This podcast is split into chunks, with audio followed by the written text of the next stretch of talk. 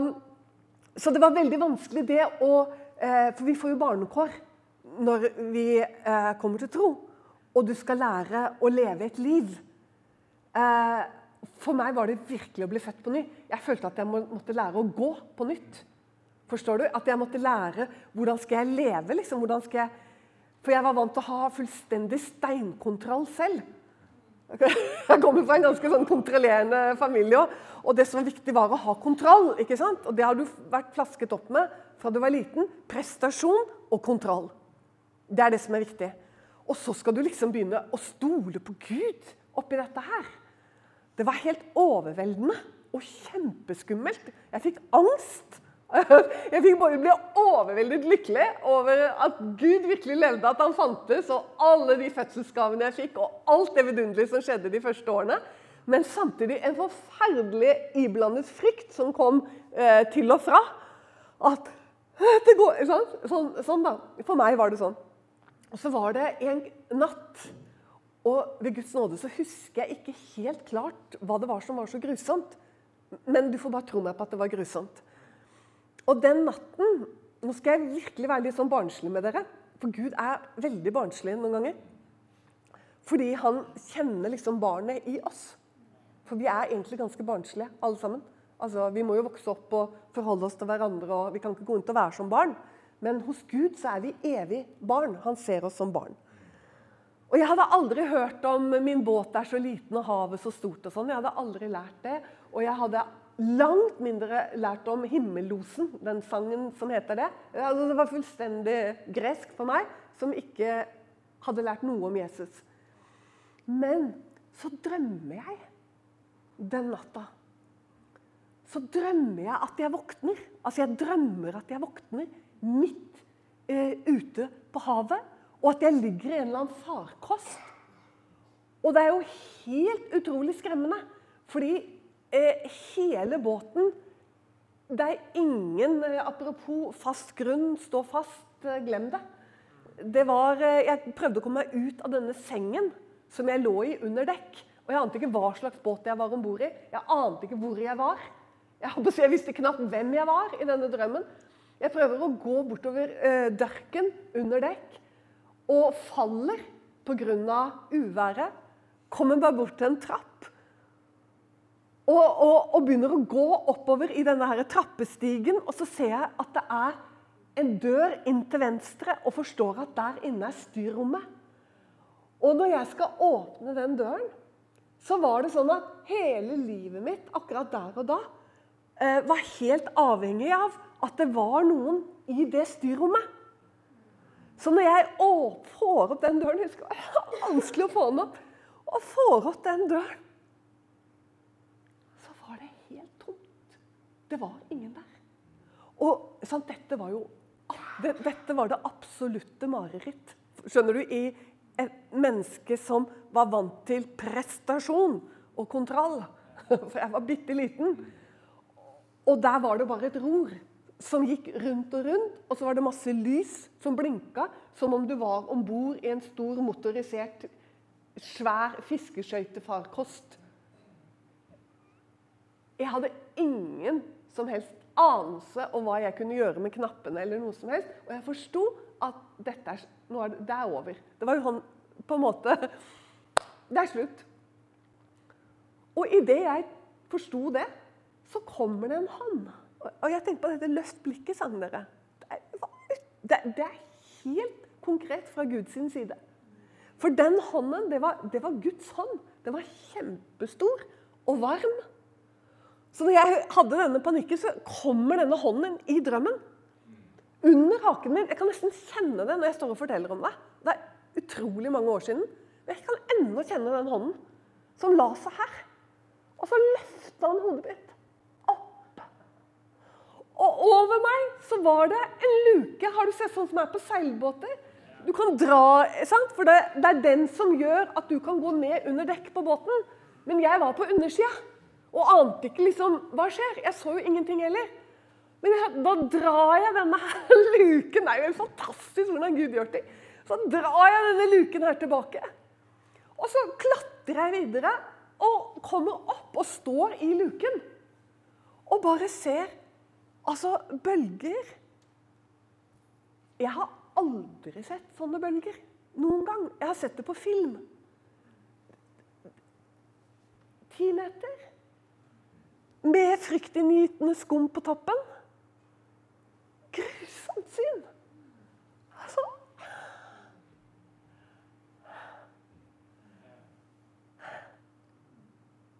Altså, jeg hørte himmellosen kanskje 15 år etterpå, eller 10 år etterpå. noe sånt. Han ga meg en ny båt med ror og med seil. Der sitter det en person. Og jeg ser bare den kjempehånden som har vært den hånden som skjønner, En kjempehånd på et enormt ror. Et enormt ror. Og så ser jeg en gul sydvest. En helt gul person og en enorm hånd og et enormt ror. Og jeg liksom Hele min redning er den gule sydvesten.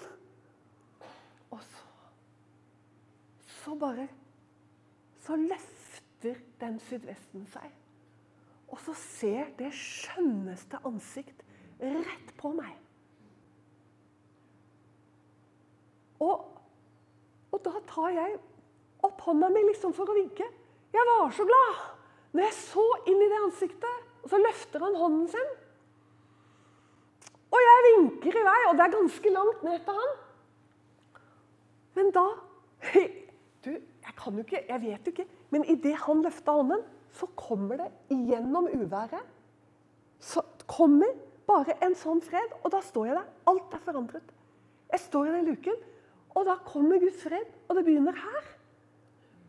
Og så bare går det gjennom hele meg. Og vet du, dette er jo til oss alle sammen. Han er nemlig Han er virkelig himmellosen. Hør du hva jeg sier? Han, han er helt på ordentlig himmellosen. Han stilte opp i Guds gul sydvest. Gul regn... Altså oljehyre. Helt gult. Fantastisk. Og han så på meg. Og denne freden. Og så kommer det beste. For jeg hadde jo nå blitt så velsignet av Gud at jeg tenkte ikke på at han måtte roe vær og vind. Sånn som disiplene. Altså, Det slo meg ikke at ikke sant? Vi går under! Det, var ikke en tanke. Bare et blikk. Egentlig bare på den gule sydvesten, nesten. altså. Holdt. Så roper jeg, men jeg roper. Og jeg roper så høyt at jeg våkner hjemme i sengen min. Så høyt ropte jeg, for det, det var god avstand mellom han og meg. Og så ropte jeg jo gjennom stormen. Så ropte jeg med all min kraft. Det helt fantastisk. Jeg ropte så høyt. Jeg våkner. Nå går jeg og legger meg! Helt fantastisk. Og så bare ser jeg idet jeg våkner, så ser jeg et hode som nikker. Og så er jeg helt ute av det og ligger i sengen min. Og nå skal jeg fortelle deg noe. Jeg må bare, jeg må bare fortelle litt til før jeg går til Guds ord. Fordi så var det kanskje tre år etterpå, kanskje fire år, så var jeg sammen med sønnen min. Sønnen min var fem år når jeg ble frelst. Jeg var alenemamma og student. Og Jeg tipper han var sånn åtte år, eller noe sånt, syv-åtte år. Og så var vi i Bergen, på Akvariet. Og de hadde åpnet en ny reptilavdeling. Og ned der ville jo selvfølgelig sønnen min. Og jeg kan ikke fordra å ha slanger. Og Henning, vi koser oss med selene og vi koser oss med pingvinene. Nei, mamma, jeg skal ned til de der, ned til slangene. Jeg vil se pyton. Og jeg ba, ok, så går vi ned. Og så var det så rart. Så gikk vi ned i kjelleren, for reptilavdelingen var der nede. Og så kom jeg, kom jeg ned trappen der. Så plutselig, ut av det blå Jeg vet ikke om du noen ganger har hatt panikkangst og vet hva det er? Det er noen her som vet hva det er. Og det kom skjønner du, det kom som, det kom som skudd for klar himmel. Altså, i, Jeg hadde akkurat kommet ned, jeg går og holder han i hånden. Og så bare kommer det noe du ikke kan forklare, av en gru som var av en, fra avgrunnen. Jeg må si fra avgrunnen. Og jeg går der, og jeg holder i han. Og jeg tenkte Gud, du må hjelpe meg. du må hjelpe meg, Jeg kan ikke ha det sånn. jeg kan ikke ha det sånn, sånn. Bare inni meg. Snakker til Gud inni meg. Og så kom jeg rundt hjørnet, og du jeg tenkte, Det må være Gud som har kasta angsten på meg bare for at jeg skulle få oppleve dette fantastiske. For jeg kommer rundt hjørnet. Der hadde de en utstilling av en nordlandsk fiskeskøyte. Og oppi skøyta Nå må du ikke tro jeg skrener. Så sitter det en dukke, en mann, med hånden på roret, med gul sydvest, med gul eh, oljehyre. Panikkangsten var som den aldri hadde vært der. Den, det må smelle litt. Den forsvant sånn! Skjønner du? Boing, var borte. Vet du hva? Gud er bare helt fantastisk. Han er virkelig himmellosen. Han er virkelig om bord. Og han viste meg at det er en båt. Altså, du, kunne, du kunne doble panikkangsten og bølgene og hva det måtte være i livet ditt. Jeg vet ikke hva du strever med. Du kan doble det. Du kan tredoble det. Denne båten går ikke under. Du får bare tro meg, for jeg har sett den. Jeg har sett denne båten i jeg vet ikke, var det 10 eller 15 meter. Det var, det var stålkontroll. Altså, det, var, det, var, det var totalt fred. Og så tenkte jeg tenk at jeg fikk sånn nåde. At jeg behøvde ikke som disiplene å si 'Vi går under'. Vi, nå, sant? Nei. Nå går jeg og legger meg. Fantastisk. Og så er det én ting til jeg vil at du skal se. Som var så viktig at jeg måtte innom det styrrommet. For det var, det var, det var min gamle båt. Og der måtte du Den gikk på diesel. Skjønner du? Den gikk på fæl, stinkende diesel. Og der inne så måtte du skjønner du, holde styringa. Altså Det var noe Det var et poeng at det var gått fra motorisert til Den hellige ånd og seil. Det er garantert. Og for meg sånn, som var vant til det, så fikk lov å oppleve at du behøver ikke engang å styre. det, du behøver ikke å styre, for han styrer. Han er om bord, og han styrer. Du kan gå og legge deg. Tenk deg det. Du kan gå og legge deg. Han var helt enig når jeg sa at jeg kunne gå og legge meg. Og jeg tror det er så mange kristne som trenger å høre dette. Fordi vi blir så utrolig bekymret. Og vi blir så veldig sånn eh, kontrollerende i hvordan Og ikke minst i vår tid. Det er så mye sånn greier om hvordan vi skal gjøre alt mulig. Og liksom alle tror at de må gjøre det på samme måten. Og alle liksom må inn i denne her sånn Sånn skal det gjøres, liksom. Og vi er dødsredd for alt som kunne være litt sånn Oi, hva skjer nå, liksom? Men du Det går så bra. Det går så bra. Det beste er egentlig å ikke ha så veldig kontroll, men tørre å stole på han. Og Derfor tenker jeg at sånn som møtet var litt i dag, at ting var litt sånn. Det, det er ikke farlig. Og jeg så jo at dere slappet veldig av på det òg. At dere ble ikke veldig engstelige. Men dere, dette med båt eh, Det er jo en eldgammel greie. Eh, dette med skip inne i kirkerom, f.eks. Skipet som henger der. Dette går tilbake til eh, Noah. Og det Jeg bare har så lyst til å si litt om det. Det har ligget liksom på meg noen uker nå. Voldsomt med Noah. Bare navnet hans er fantastisk. Og eh, pappaen til Noah, Lamek Nå er vi langt tilbake i Bibelen, dere. Han bestemte seg for å kalle han det av en grunn. For han sier noe ganske underlig. Han går helt tilbake til det som på en måte ble menneskets, menneskets eh, last av synden. Og at vi valgte bruddet med Gud. Selv om vi ikke skjønte det, så ble det valget. Så når mennesket på en måte tok skjeen i egen hånd, så ble konklusjonen strev. Og atter strev. Så strevsomt at til og med kong Salomo oppsummerer i Forkynneren i første kapittel i denne boken vi har i Bibelen, så går han bare igjennom at alt er tomhet, og alt er strev. Det var dette faktisk som ledet meg til Gud. Alt er tomhet, og alt er strev. Jeg opplevde at når jeg så på andre, så så jeg bare strev og tomhet. Og når jeg så i mitt eget liv, så så jeg strev og tomhet. Dette er verden. Verden ligger i det onde. Verden ligger under sitt strev, under sin prestasjon. Og i dag er det nesten enda mer grelt. Altså det, I dag er det på en måte så skrikende. For i dag virker det som vi, at vi dyrker prestasjon. Altså, vi har alltid likt prestasjon, for det, det, er jo det vi har valgt. Og det er det vi kan, og det er det vi tror på. Det er at vi som mennesker skal få det til. Så prestasjon, det er menneskets greie. Det er en slags sånn grunnsynd fordi vi har valgt å ikke stole på Gud. Du snakket om eh, tro på hebraisk. Tro på hebraisk kan vi oversette til norsk. Istedenfor å si at de tror på Gud, så sier de at de stoler på Gud. Det er ordet på hebraisk for å tro på Gud. Det er 'jeg stoler på Gud'. Du har litt av det på engelsk 'I have faith in God'. Tro er et merkelig ord. Men jeg stoler på Gud. Mennesket valgte å ikke stole på Gud. Og da dere, er det strev. Da er det strev. Da er det du som styrer. Da er det, da er det strevet på din nakke. Men så kommer det til Lamek og Noah, som nå er født.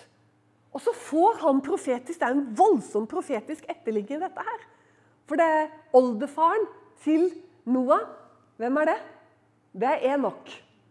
Og han var ikke så helt borte, han Metusala heller, som var bestefaren til Noah. Og hans navn Metusala, hva betyr det? Vet du det? Det betyr når han dør, da skjer det. Altså, De hadde fått vite om flommen, de visste om dommen. Allerede Enok visste om dommen. Han visste det, for han ga sin sønn navnet Metusela, og det betyr Når han dør, da skjer det. Og Gud holdt Metusela i live lenger enn Adam. Han ble den eldste som noen gang har gått på jorden. I sin godhet, i håp sant? om at flere skulle vende om. Og så kommer da Lamek, som er sønnen til Metusala. Og så profetisk så kaller han Noah hvile. Han skal gi oss hvile fra vårt strev. Er det ikke nydelig? Båtbyggeren i Bibelen. Han sier til Noah, 'Du skal gå inn i arken.' 'Og jeg vil gjøre en pakt med deg.' Det er første gang ordet 'pakt' kommer i Bibelen. Gå inn i arken. Arken er pakten. Det er så trygt. Enhver som gikk inn der, ville bli reddet. Og selvfølgelig har denne båten fulgt oss. Det er jo helt fantastisk at den står der som bilde på den pakten som Gud gjorde i Kristus, som er den fullkomne hvile. Men allerede med Lamek så ble Noah et slags forbilde på Kristus. For han sa han skal gi oss hvile fra vårt strev. Og Jesus sa selv 'Kom til meg, alle dere som strever og har tungt å bære, og jeg vil gi dere hvile'. Hvile er den Kanskje er den den mest grunnleggende Jeg har ikke noe ord nå, så jeg sier bare 'greia'. Vi har kommet inn i. I frelsen. Det er hvile. Jesus nikka. 'Nå går jeg og legger meg.' Nå går jeg og legger meg. Vi har kommet inn i hvilen. I ordspråkene i 10. kapittel i 22. verset så står det faktisk Det er Guds velsignelse som gjør rik. Eget strev legger intet til. Altså, det legger ingenting til. For vi har kommet ut av strevet. Så når vi kom ut av arken, så trodde Gud at nå Eller altså Gud håpet, trodde, visste Hva vet jeg? Men jeg, nå sier jeg det sånn at Gud på en måte håpet, trodde at de forsto at de kunne stole på ham, de som kom ut av arken. Han hadde jo reddet dem fra den mest kolossale undergang. Og så står det da i det ellevte kapitlet, når hele flommen og, og spetakkelet er over, så står det i det ellevte kapitlet at det første de tok seg fore, var strev. Det første de tok seg for, jo, det står Og hva er det for noe? Det er Babel. Altså, Gud sier det. Dette er ikke mine ord, dette er Bibelens ord. Det står at de steg ned, for det var så vederstyggelig i Guds øyne, det, det menneskene nå hadde begynt med. Og de var blitt ganske mange. Så selvfølgelig, De hadde jo fått tid til å bli en del, men ifølge Bibelen var dette det første som var viktig, som de tok seg fore, og det var Babel. Det var sånn Nei. Og hva var det for noe? Menneskene valgte sin vei. Kom. Jo da, de trodde på Gud. Men eh, de valgte å gjøre det på sin måte. Og hva var det de sa til hverandre? Kom, la oss bygge. Og nå skal det bygges. Og det skal bygges høyt. Og det skal bygges flott. Så vi får et navn. Du vet at Tanken her var jo helt sikkert dette at de ville så høyt opp. ikke sant? Eh, Slippe unna flommen hvis den kommer igjen. Jeg, jeg, vet ikke hva de tenkte. Men det Gud vil vise oss her, det er dette kolossale strevet som de setter i gang med. Og så er det bare en sånn vidunderlig detalj om at de sluttet å bygge med stein, med levende stein. Men de begynte å bygge med tegl. Og du som har hørt mye kanskje på, jeg vet ikke, Hvis du hører en del på Uten tvil, på vår side eller på YouTube, så har du kanskje hørt meg For dette her er så viktig, så jeg har talt om det før. Det er kjempeviktig å forstå Babel. For Babel de var troende, de. Men de var bare troende til å stole på sine egne tanker om hvordan de måtte gjøre dette prosjektet. De turte ikke å satse på det Gud hadde sagt, for Gud sa at de skulle oppfylle jorden og spre seg. Og det høres veldig dumt ut i menneskets ører. For det er ikke noe lurt å bli svak. Og det er ikke noe lurt å bli skrøpelig. For hvis vi gjør det, så blir vi jo skrøpelige. Nå mener jeg ikke at menigheten ikke skal være menigheter, og vi alle skal bare være én. Det er ikke det jeg snakker om. Jeg snakker om det å lyde Gud. For Gud hadde sagt til dem at de skulle spre seg. Men for dem var det svakhet. Og menneske og svakhet det er total kollisjon. For vi liker ikke svakhet. Men sannheten er at vi er svake. Og Gud kjenner oss som svake. Og han er overhodet ikke redd for svakhet, Gud. Og han er ikke redd for vår svakhet. Det eneste han, eh, Hvis han er redd for noe, så er det vår styrke. For den er ofte etterfulgt av stolthet. Og den skyr han. Så, det, så det vi som mennesker vi er på en måte i en slags konflikt i forhold til hvem Gud er med vår natur og hvordan vi tenker. Og Det er viktig å være klar over, for det følger veldig fort inn iblant de troende. Så når vi kommer litt bort fra ord og Skriften, og det kommer litt sånn andre vær og vinder inn, og sånn, så glemmer vi disse her helt grunnleggende tingene. Som var så viktig i Nytestamentet for dem alle sammen, fordi de hadde lært av Jesus, og Paulus hadde lært av Jesus selv ved Den hellige ånd, og av apostlene, at for han så ble det terpet i kapittel etter kapittel. Eh, at han regnet alt for skrap, og at Gud hadde utvalgt seg det som ingenting er. og Dette kjenner vi veldig godt, og Paulus fikk ikke sagt det nok. Og Han var den eneste i Bibelen som jeg kan komme på som hadde noe å skryte av. Og han terpet det motsatte.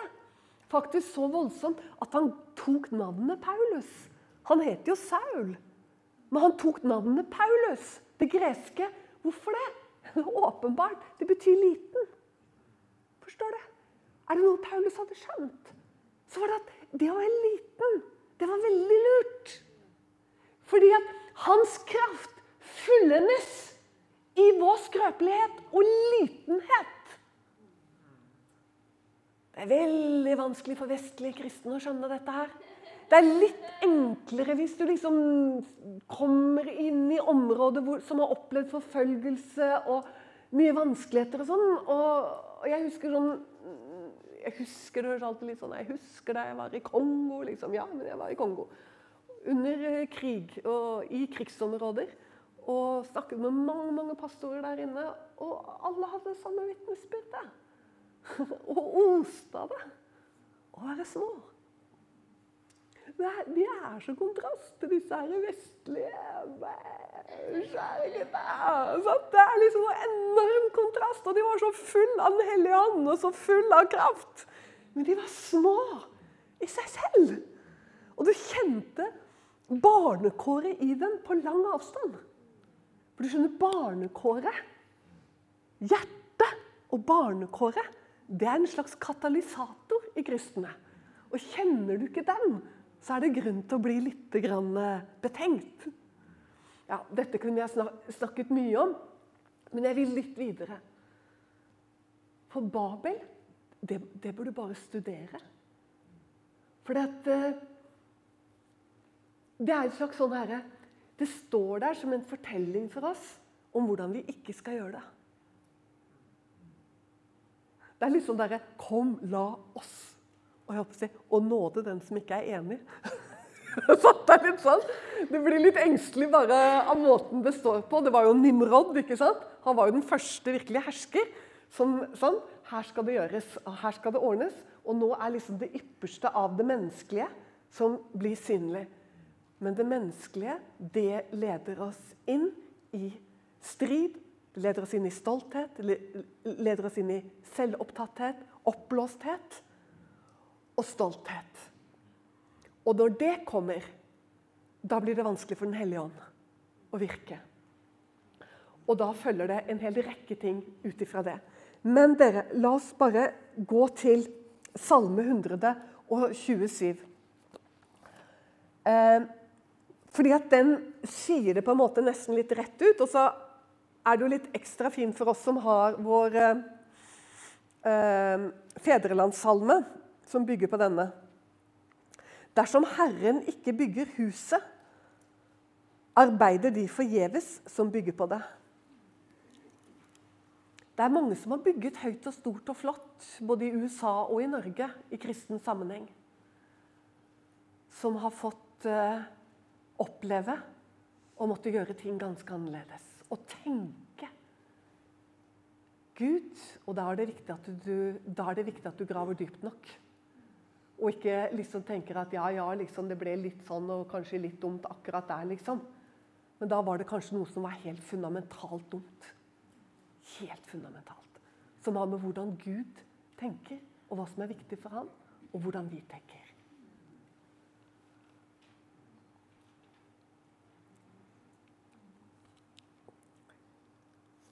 Dersom Herren ikke vokter byen, vokter vekteren forgjeves. Dette springer jo rett ut av Babel. Det er forgjeves Hør på dette. Her har du strevet. Kristenstrev. Kristenstrev. Det er forgjeves at dere står tidlig opp, setter dere sent ned, eter møysommelighetens brød. Det samme gir han sin venn i søvne. Du, hvem i Bibelen er det fremfor noen som ble kalt for Guds venn? Det er én person. Abraham. Sånn. Babel det var menneskets prosjekt. Strevets prosjekt. Det er sånn Når vi skal gjøre noe, så er det sånn vi gjør det. Og så Neste kapittel i Bibelen det er Abraham. Da er det Gud når han gjør noe. Så tar han det som har det dårligste utgangspunkt. Da tar han og finner en eh, gammel mann. Han finner en fra avgudenes høyborg, ifølge Talmud og jødiske tradisjon med en kone som er ufruktbar. Jeg tror jeg begynner en ett, jeg. Jeg tror jeg begynner et folk, jeg. Så tar han ikke tak i Babel, og det prosjektet det ligger i ruiner. Husk at her eh, lever de fortsatt fryktelig lenge. Så de som kom ut av Babels ruiner, var jo bl.a. Abrahams sin familie, og kanskje han selv òg, egentlig fikk se det. Babel faller i grus. Og så begynner han sånn som Gud gjør det. Og han blir kalt for Guds venn i Bibelen. Abraham, Guds venn. Og det samme gir han sin venn i sønnene. Den som stoler på ham. Fordi Gud valgte med sin venn å velsigne. Han valgte å velsigne. Og hvis du leser i 12. kapittel i de to første versene der, så står det 'velsigne' flere ganger enn du kan tenke at det er mulig å presse inn i to vers. Om og om igjen. Vet du hva velsigne kommer av? Apropos hvor lite interessant det er å bli stor, eller få det til, eller tenker at nå skal jeg liksom begynne sånn at Gud kan velsigne meg her. Velsign, å velsigne er barakk. Men det er også å bøye kne. Så det å bøye seg og gå på kne og å velsigne, det er samme ord. Barakk. Og det kommer av berek, som er kne. Så velsigne kommer ut av kne. Simpelthen. Det kommer av å bøye seg. Det er så fint. Babel er det motsatte. Abraham ble en mann som bøyde seg. David var en mann som bøyde seg. Saul var en Babel-kristen. Saul var Babel-kristen. Saul han hadde mange gode kvaliteter. Blant annet var han veldig høy og flott, og menneskelig sett så han ut som en konge. Men uh, Saul Hva var det som gjorde at han uh, mistet uh, sitt kongedømme og selvfølgelig mistet salvelsen? Det er så fælt å si det. La oss gå til 15. kapittel. Det er viktig ikke at vi skal gå og peke sånn. Det er ikke det jeg mener. Jeg mener at du må være klar over at begge deler fins i landet vårt. Og du må kunne lukte om noe, for du må kunne ha den ånd som kan dømme. Du skjønner, Det er viktig å ha nådegaven i menigheten til å dømme. Ånd. For noe er Og det betyr ikke at man da liksom sier at de er fortapt og de er ikke sånn. Nei. Men det er en vei man ikke vil gå på fordi den er skummel. Og det er det jeg kaller det er babelkristendom.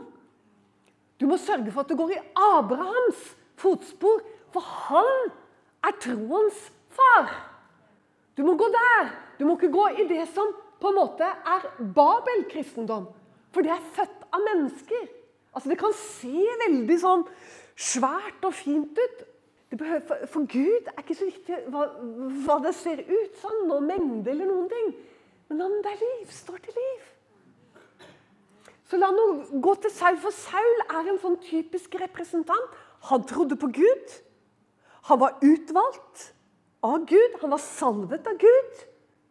Så går det helt gærent fordi han slår seg på Babels vei i stedet for på Abrahams vei. Du må velge. Du kan ikke både få Babel og Abraham. Du må velge. Vil vi satse på Babel, eller vil vi satse på Abrahams vei i vår menighet? Og da, dere, hvis vi da går til eh, Hvis vi går til eh, Første Samuels bok, mener jeg det står. Første Samuels bok i det 15. kapittelet, det må du lese nøye i kveld før du legger deg. For det er et veldig viktig kapittel. For det er så mye å lære av det som skjer med Saul. Fordi at det, det står nemlig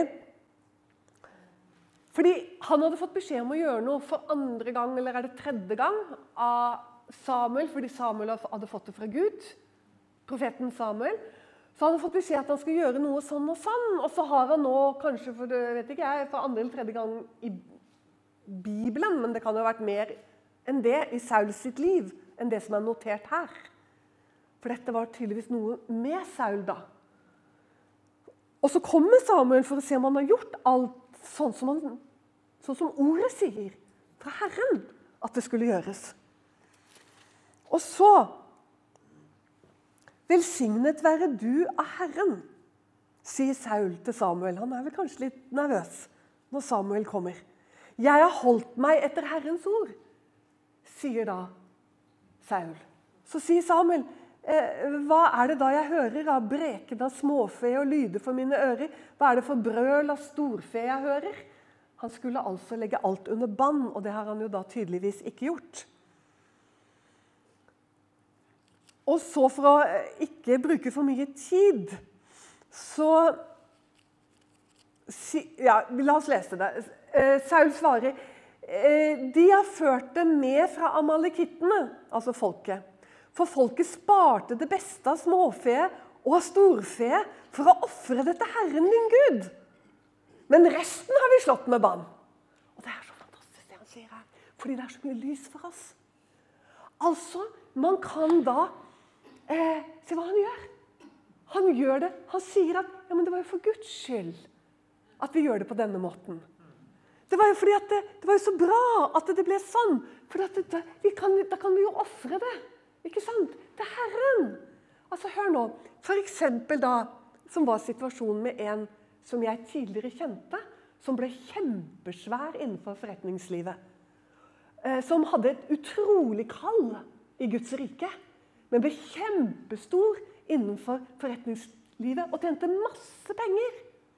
Og så begynte denne personen å bli advart av Gud. Men lød ikke de advarslene? Fordi at det var jo så bra å bli steinrik! For da kunne du på en måte ofre så mye til Guds rike.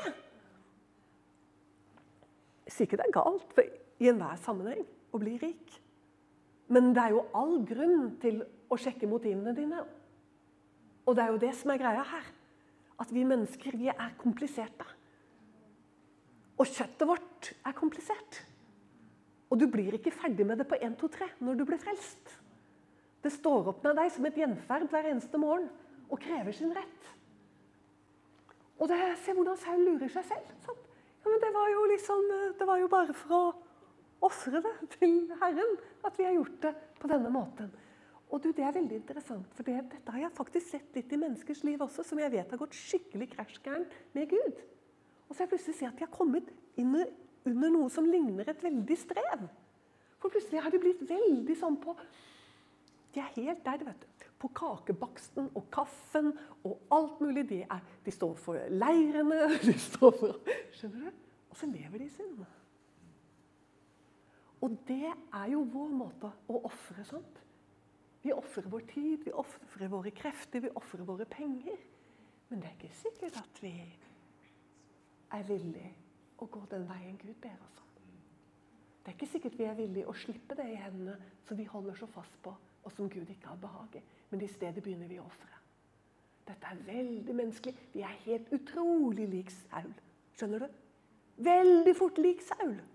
For dette er menneskelig natur. Så betyr at det, det er ikke sånn at David ikke hadde dette i sitt liv. David.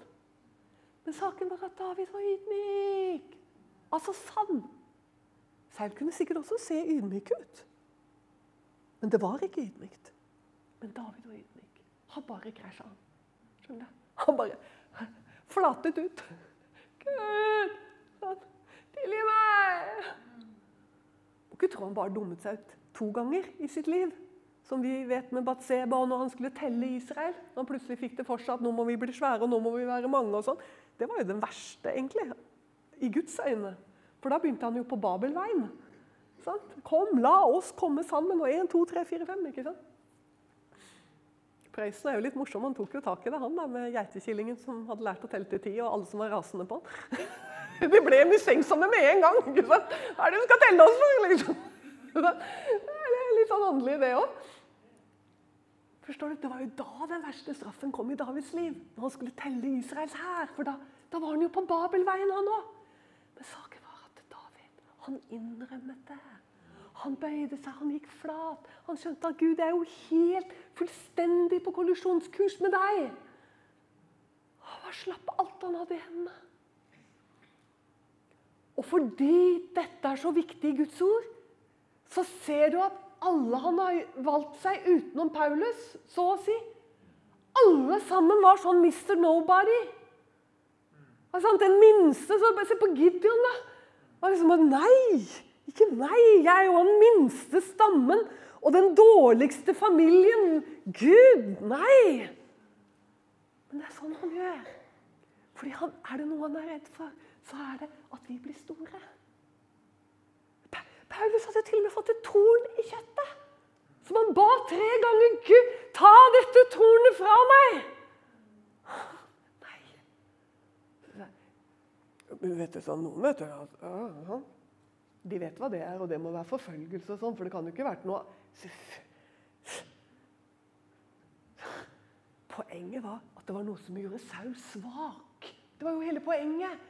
At han ikke skulle rose seg av de høye åpenbarelser. Og så sier han jo Derfor vil jeg helst rose meg av min skrøpelighet. Han sier det som konklusjon på tornet. Forstår du?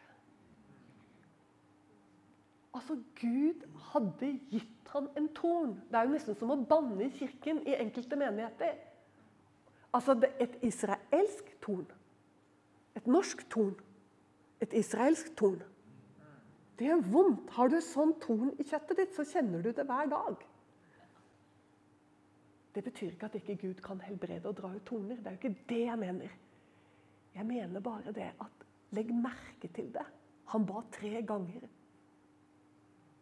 Og, han, og det skulle ikke ut. Det skulle ikke ut. Hvorfor det? Så sier Paulus derfor vil jeg rose meg av min skrøpelighet. Han sier rett og slett jeg vil skryte av det. Rose er jo å skryte. Jeg vil skryte, sier han. Han sier det flere ganger. Jeg vil skryte av min svakhet. Og det er så bra! Det er så i krasj med verden. Og verdslige menigheter som har begynt å lukte Babel. Du roser deg jo ikke av din svakhet. Altså, er du, du bør ikke være helt dåre heller. liksom. Det er jo ingen som gjør det. Paulus gjør det.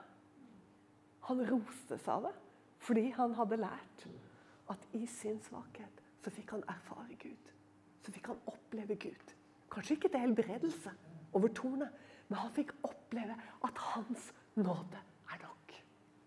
Og er så innmari nok. Er så utrolig nok i våre liv. Liksom, vi, vi, liksom tror at ja, vi skal komme inn i det der framme. Da kommer jeg inn i en total u... Nå tøyser jeg litt med oss, da, men det er sånn vi kan høres ut noen ganger for Gud. tror jeg. Da kommer jeg inn i denne totale befrielsen. Sånn. Da, er liksom, da er jeg løst. Da er liksom alt borte. Der framme et eller annet sted så ligger det en liten gulrot og lakker. Sånn, om at da jeg er seiret og kommet inn i full seier i livet mitt. Du kommer dit aldri. Ikke før du møter han og ser han som han er. Du kommer til å ha med deg både torner og svakhet. Du kommer til å etter hvert har lært Jesus og Gud å kjenne. Min nåde er nok for deg. Og så har du kommet inn under åket. Kanskje er du der ikke ennå. Kanskje går du fortsatt og mener at sånne åk skal ikke kristne gå med. Men du har kommet inn under åket, og så har Gud vist deg at eh, Wow! Det er ganglig. Oh. Oi! Jeg kan gå helt fint med byrder og tunge ting. For jeg går med Jesu Kristi åk, som har badet opp den veien. Så går jeg der med mine svakheter og mine skrøpeligheter, og så bare lærer jeg Jesus å kjenne. Så blir det mer og mer Jesus. Det blir bare mer og mer Jesus hele veien. Mine skrøpeligheter får så være, mine svakheter får så være. Men Herre Jesus Kristus, å, hvor stor du er for meg. Og hvor din trofasthet blir stor for meg. Din nåde blir stor for meg. Din godhet blir stor for meg. Jeg er ingenting. Får jeg lov å tale i to minutter til? Får jeg lov? To minutter? Får jeg lov to minutter? Jeg vil bare at jeg skal ha med hele den røde linjen. Jeg skal gi meg straks, altså. Det er veldig, veldig Og det er så viktig, dette her. Dette er, liksom, det er grunnvollen.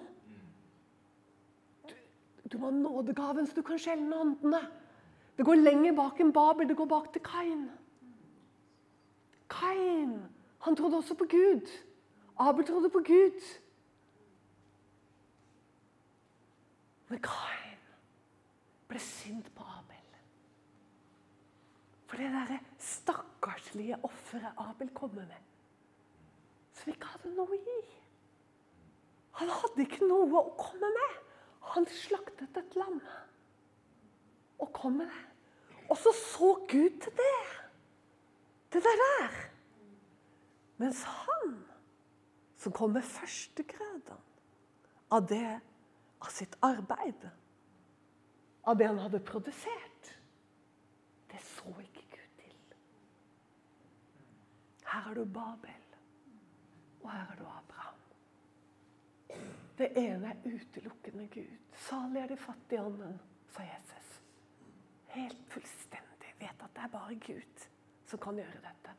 Og da blir det også helt ekte og helt sant. Det er liksom, det er ikke noen annen vei velsignelsen.